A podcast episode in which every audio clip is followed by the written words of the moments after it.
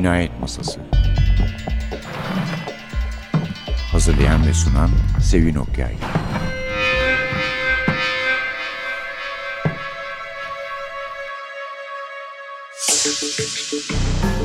Merhaba, NTV Radyo'nun Cinayet Masası programına hoş geldiniz.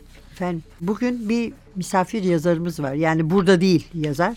Misafir çünkü aslında korku janrının büyük bir ustası. Ama hem biliyorsunuz bizim polisiyemizin yelpazesini geniş tuttuk başından beri. Hem de seveni çok olduğu için Stephen King'in herhangi bir programımıza dahil olmasından kimsenin şikayet ettiğini görmedik bugüne kadar. Yani Peter Straub'u da ben çok sevdiğim için şikayetleri bile göz önüne almadan koyuyorum ama o polisiye daha yakındır gerçekten. Efendim Stephen King altın kitaplardan çıkan bir kitabıyla konuğumuz. 50'ye yakın kitabını yayınlamıştı zaten altın kitapları onun. Zifiri Karanlık Yıldızsız Gece kitabın adı. Canan Kim çevirmiş Türkçe'ye. Full Dark, No Stars. Dört tane hikayeden oluşuyor. Kasım başında çıktı. Bayağı yazarının kendisinin bile biraz fazla olduğunu düşündüğü hikayeler ama sert yani sertlik açısından. Hatta son sözde demiş ki bu kitaptaki hikayeler sert, bazı yerleri okumakta zorlanmış olabilirsiniz. Eğer öyleyse emin olun ben de yazarken aynı ölçüde zorlandım demiş. Ama Stephen King'in öyle bir üslubu var ki sanki onun içinde de yuvarlanıp gidiyor. Sanki onu ne bileyim böyle yumuşak bir şeye sarıyor. Bir kumaşa, bir hamura, bir şeyin içinde o sertlik ve çok daha rahat kabullenmemizi sağlıyor. Başka birisi olsaydı yazan bu kadar kolay kabullenemeyebilirdik belki çünkü gerçekten de karanlık hikayeler. 1922 ilkinin adı. İkincisi Koca Şoför, Big Driver. Üçüncüsü Adil Uzatma, Fair Extension. Dördüncüsü de iyi bir evlilik, A Good Marriage. Bir isim kaynağı var bu dördüncü hikaye için. 16 yıllık dönemde 10 kişiyi öldürmüş. BIO, Bağlar işkenceyle öldürür katili. Dennis Rader'dan esinlenmiş bu hikayeyi yazarken. Bir de dört tane kısa hikaye denmekle birlikte üç tanesi yüz sayfanın üstünde hikayeler. Gerçek anlamıyla kısa hikaye içlerinde adil uzatma, fair extension ki bu da bildiğimiz türden bir Faust hikayesi ama sonu sürprizli. Bu hikayeleri tek tek tanıtacağız size daha doğrusu ikişer ikişer tanıtacağız ki sonunda yazara da yer kalsın. Ama yani gerçekten karanlık bir yere gidiyoruz. Stephen King insanların çetin koşullar altında neler yapabileceğini anlatmaya çalıştığını söylüyor. Asaletin aslında başarıda değil, doğru olanı yapma çabasında olduğunu belirtmiş. Bunu da göstermeye çalışmış zaten hikayelerinde. Etkileneceğinizi tahmin ediyorum ama zaten kendi dilinin iyi yazarlarından Stephen King daima insanı etkileyen kitaplar yazar. Gene de işlerinde benim favorilerim Peter Straub'la birlikte yazdığı Tılsım ve Kara Ev'dir. 1922 Koca Şoför, Adil Uzatma ve iyi bir Evlilik. Üç novella, bir kısa hikaye. Temelleri içimdeki yabancı diyebiliriz. Çünkü bunlar hiç tahmin etmedikleri şeyler yapabiliyorlar. Kendilerini şaşırtıyorlar. Çünkü ya kendi işlerindeki ya da tanıdıklarını sandıkları yakınlarının içindeki yabancı ortaya çıkıyor ve bu yabancıyla yüz yüze geliyorlar. Dolayısıyla içimizdeki yabancı başlığı altında da hepsini toplayabiliriz.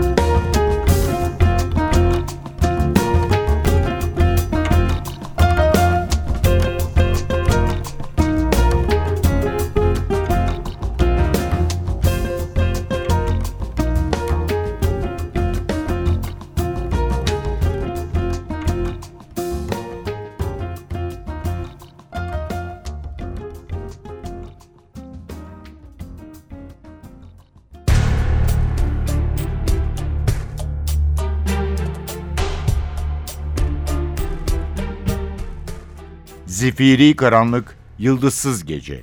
O yılın Nisan ayının ilk günlerinde, yani bundan tam 8 yıl önce yüzünde güller açarak yanıma geldi. Günün büyük bir bölümünü McCook'taki güzellik salonunda geçirmişti. Saçları bana otellerle hanlardaki tuvalet kağıdı rulolarını hatırlatan iri bukleler halinde yanaklarına düşüyordu. Aklına bir fikir geldiğini söyledi. Farrington'a 100 dönüm araziyle birlikte çiftliği de satabilirmişiz. Dediğine göre hepsini almaya sırf babasının demiryoluna yakın olan arazisini alabilmek için razı olurlarmış. Ki muhtemelen haklıydı. Böyle yaparsak, dedi bu şımarık cadalos, parayı bölüşüp boşanabilir ve kendi hayatlarımızı yaşayabiliriz. İstediğinin bu olduğunu ikimiz de biliyoruz. Sanki o istemiyormuş gibi. Hmm dedim, düşünüyormuş gibi yaparak. Peki oğlanı hangimiz alacak? Ben tabii ki, dedi gözlerini iri iri açarak. 14 yaşında bir çocuğun annesinin yanında olması gerekir. Henry'nin üzerinde çalışmaya o gün başladım ve annesinin son planından bahsettim. Ahırdaki saman yığınının üstünde oturuyorduk. En mahzun ifademi takınıp, en acıklı sesimle annesinin planını gerçekleştirmesine izin verildiği takdirde hayatının nasıl olacağını anlattım. Ne babası ne de çiftliği olacaktı. Yeni ve büyük bir okula gidecek, çoğunu bebekliğinden beri tanıdığı bütün arkadaşlarını geride bırakacaktı. Yeni okulundaki yabancı çocuklar onunla köylü diye alay edecek, onu dışlayacaklardı. Öte yandan eğer çiftlikte kalırsak bankaya borcumuzu 1925 yılına kadar öder, sonra parçalanmış domuzların daha önce tertemiz olan deremizde yüzen bağırsaklarını izlemek yerine mis gibi havayı ciğerlerimize doldurarak mutlu mesut yaşayabilirdik. Hangisini tercih edersin diye sordum. Ona ihtimalleri hayal gücümün el verdiğince detaylı bir şekilde tarif ettikten sonra. Seninle burada kalmayı baba, dedi. Gözyaşları yanaklarından aşağı süzülüyordu. Annem neden böyle davranıyor? İçimdeki sinsi adam çoktan inek ahırının gerisindeki eski kuyuyu düşünmüştü. Su seviyesi düşük, suyu da pis olduğu için kuyuyu sadece yemleri ıslatmak için kullanırdık. Derinliği sadece 6 metreydi. Tek sorun onu buna razı etmekti. Ve buna mecburdum. Eminim anlayabiliyorsunuzdur. Karımı öldürebilirdim ama sevgili oğlumu mutlaka kurtarmalıydım. Değil 180 dönüm, isterse 1000 dönüm olsun bir çiftlik. Onu paylaşıp öldükten sonra miras bırakacağınız kimse yoksa neye yarardı?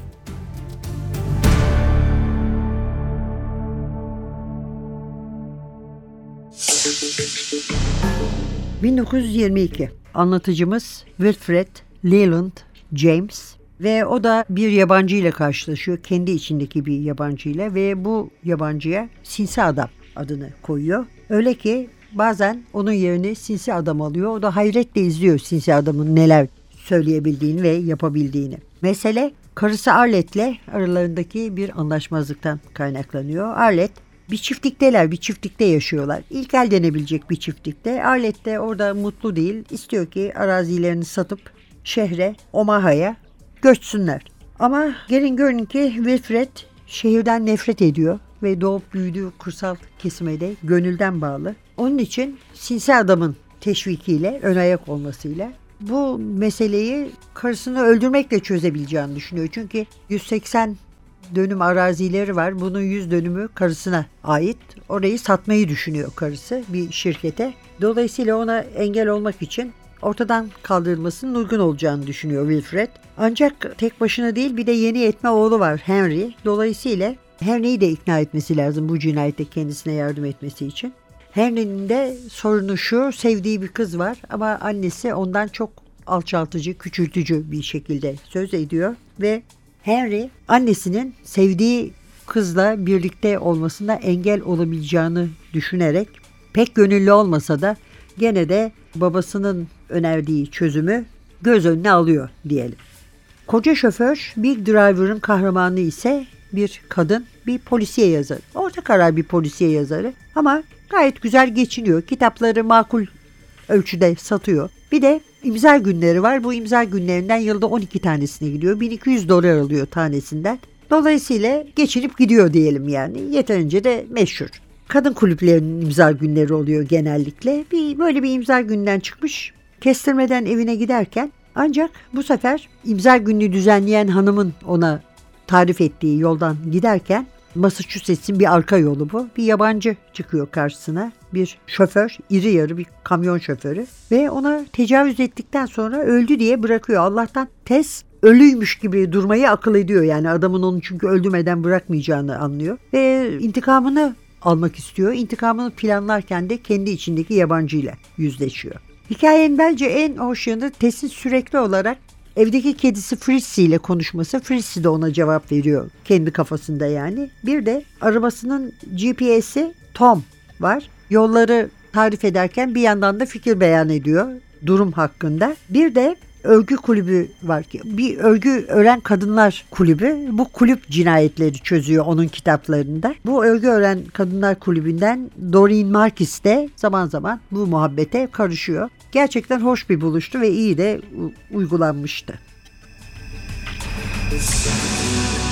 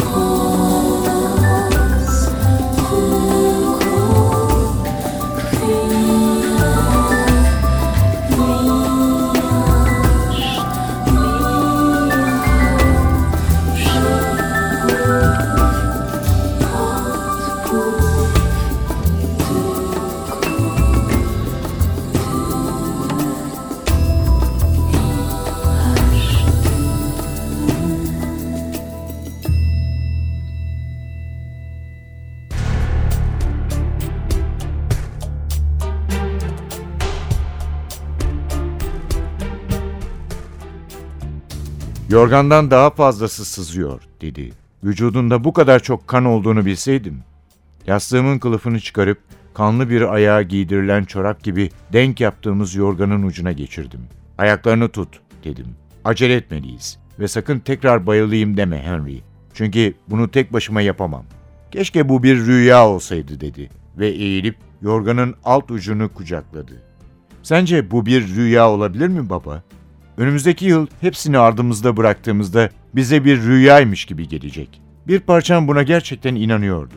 Hadi çabuk, yastık kılıfı ve yorgandan kan damlamaya başlamadan taşıyalım. Ev taşırken paçavralara sarılmış bir eşyayı yüklenmiş, iki hamal gibi onu koridordan ve oturma odasından geçirip ön kapıdan çıkardık. Verandanın basamaklarından indikten sonra bir nebze rahatladım. Avludaki kan kolayca temizlenebilirdi. Henry ahırın köşesine dönüp eski kuyu görüş alanımıza girene dek iyi sayılırdı. Kimse tahta kapağına kazara basmasın diye etrafı kazıklarla çevriliydi. Kazıklar ay ışığında korkunç ve zalim görünüyordu. Henry onları görünce boğuk bir çığlık attı. Annemin mezarı bu olmamalı anne. Bu kadarını söyleyebildi.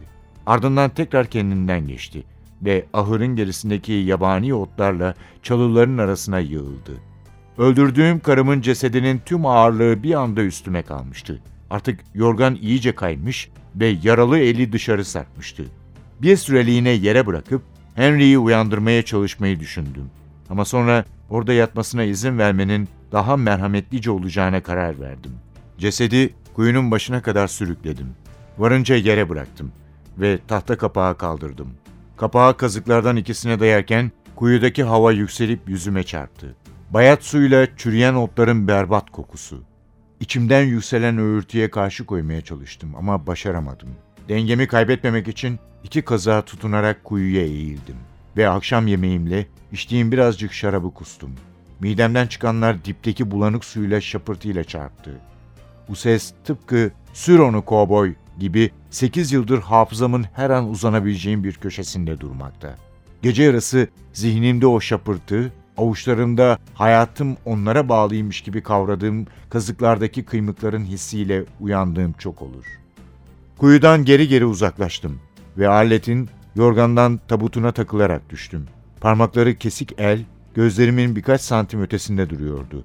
Eli yorganın içine tıktım ve onu rahatlatmak istercesine pat pat vurdum. Henry hala başı bir kolunun üstünde otların arasında yatıyordu.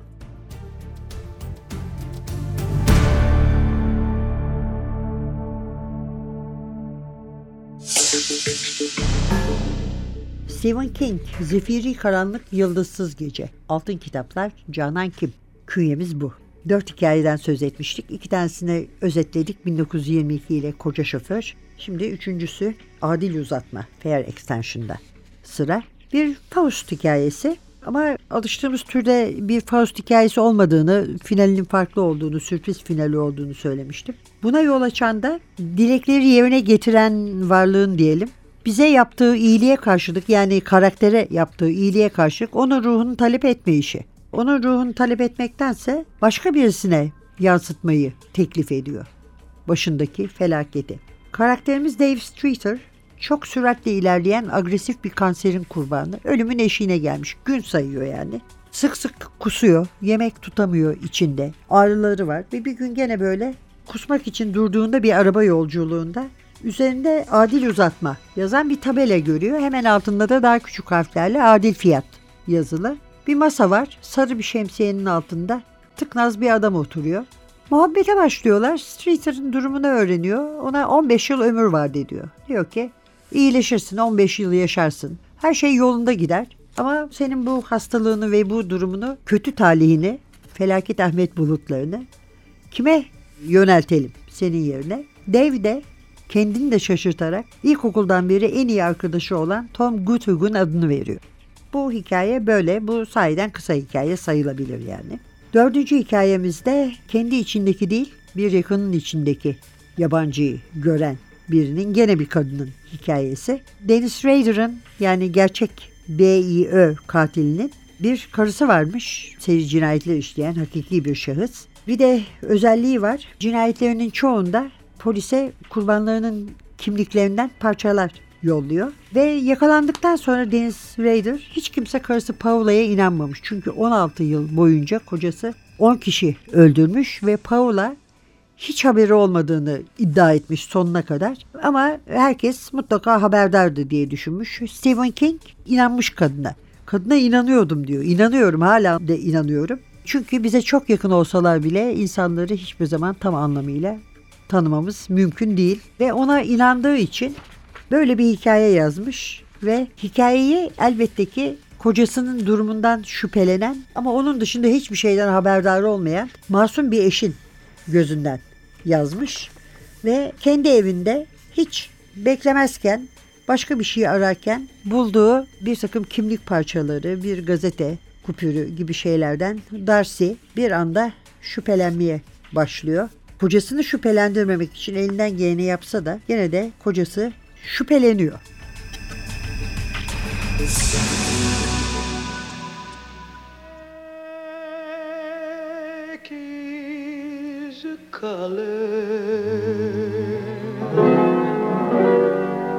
Of my true love's hair.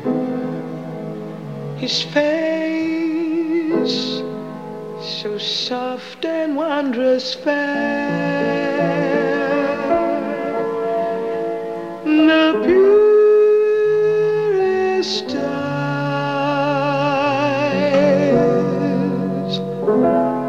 and the strongest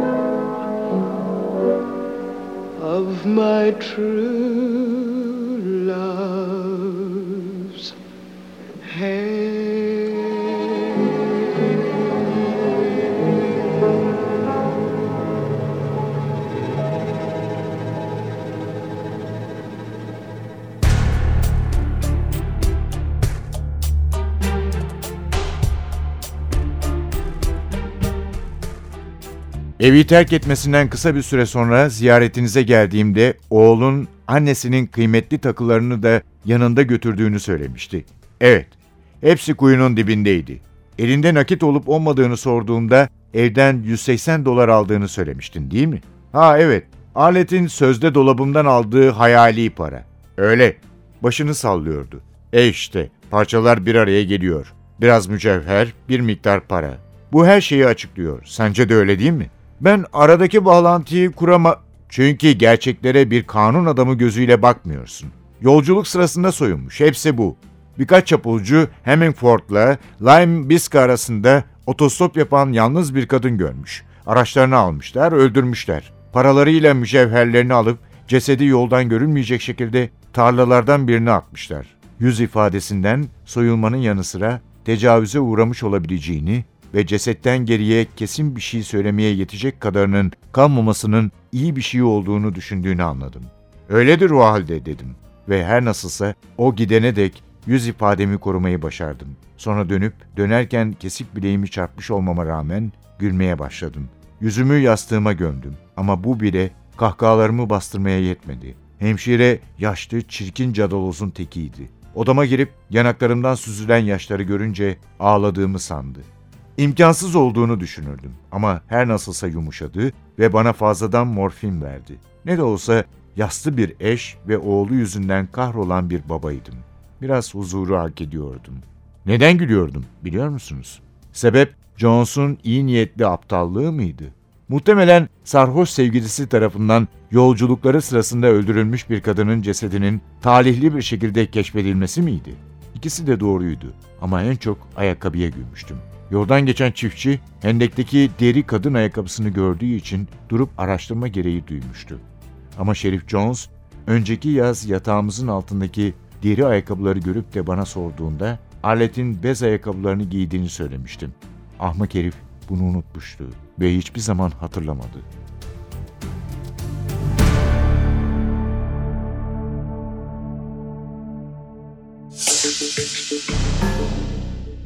Stephen King'e gelecek olursak şöhretine diyecek yok tabii. Korkunun en çok tanınan adı. Ayrıca en iyilerinden biri. Ama Stephen King sadece kendi janrının iyi bir yazarı olmakla kalmıyor, iyi bir yazar aynı zamanda. Unwriting yazmak üzerine diye bir kitabı var. Gerçekten de çok yol gösterici bir kitaptır. Çok yazmak isteyen insanların önünü açıcı. Gözünü de açıcı aslında.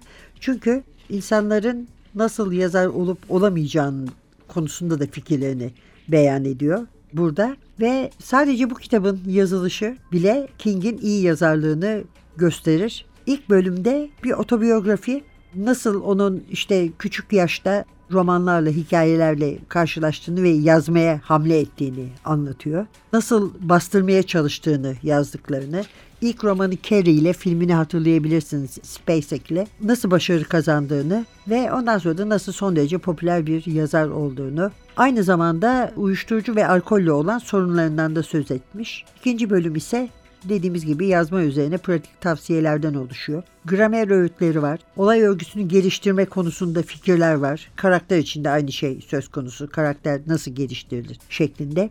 Böylece potansiyel bir yazarın nasıl iyi bir yazar haline gelebileceğini tarif ediyor. Bir tür rehber. Gereksiz detayların çıkartılmasını ve gereksiz zarf kullanılmaması. Burada zarf derken gramerdeki dil bilgisindeki zarftan söz ediyorum.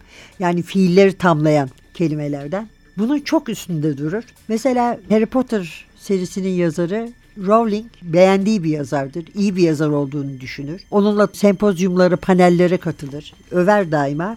Ancak zarf fazla zarf kullanımının onun tek zaafı olduğunu düşünüyor ve bunu bırakmasını diliyor. Bu daha çok şeylerde vardır. Bestseller yazarlarında görülen bir şeydir. Koşarak geldi, ağlayarak gitti, uzun zaman görünmedi gibi daima fiilleri bir şeyle, bir kelimeyle tamlarlar. İçinde bir e, müsvedde de var ve müsveddenin elden geçmiş halde var. 1408 isimli hikayesinin. İngiltere baskısında da Unwriting yarışmasında birinci olan Garrett Adams'ın Jumper adlı hikayesi de dahil edilmiş kitaba.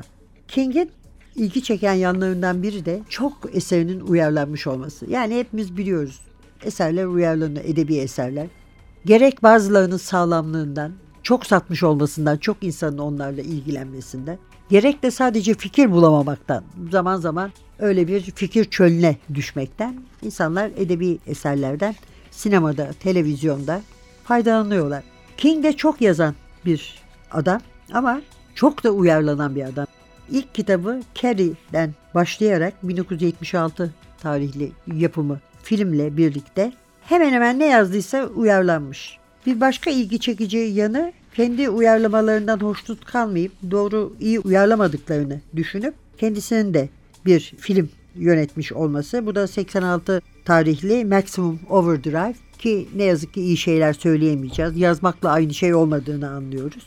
Bir de Alfred Hitchcock gibi minik rollerle pek çok filminde ve televizyon dizisinde görünmüş olması. Yani iki sayfalık bir liste var ama takdir edersiniz ki programımızın boyutları içinde bunu size maalesef yansıtamayacağım.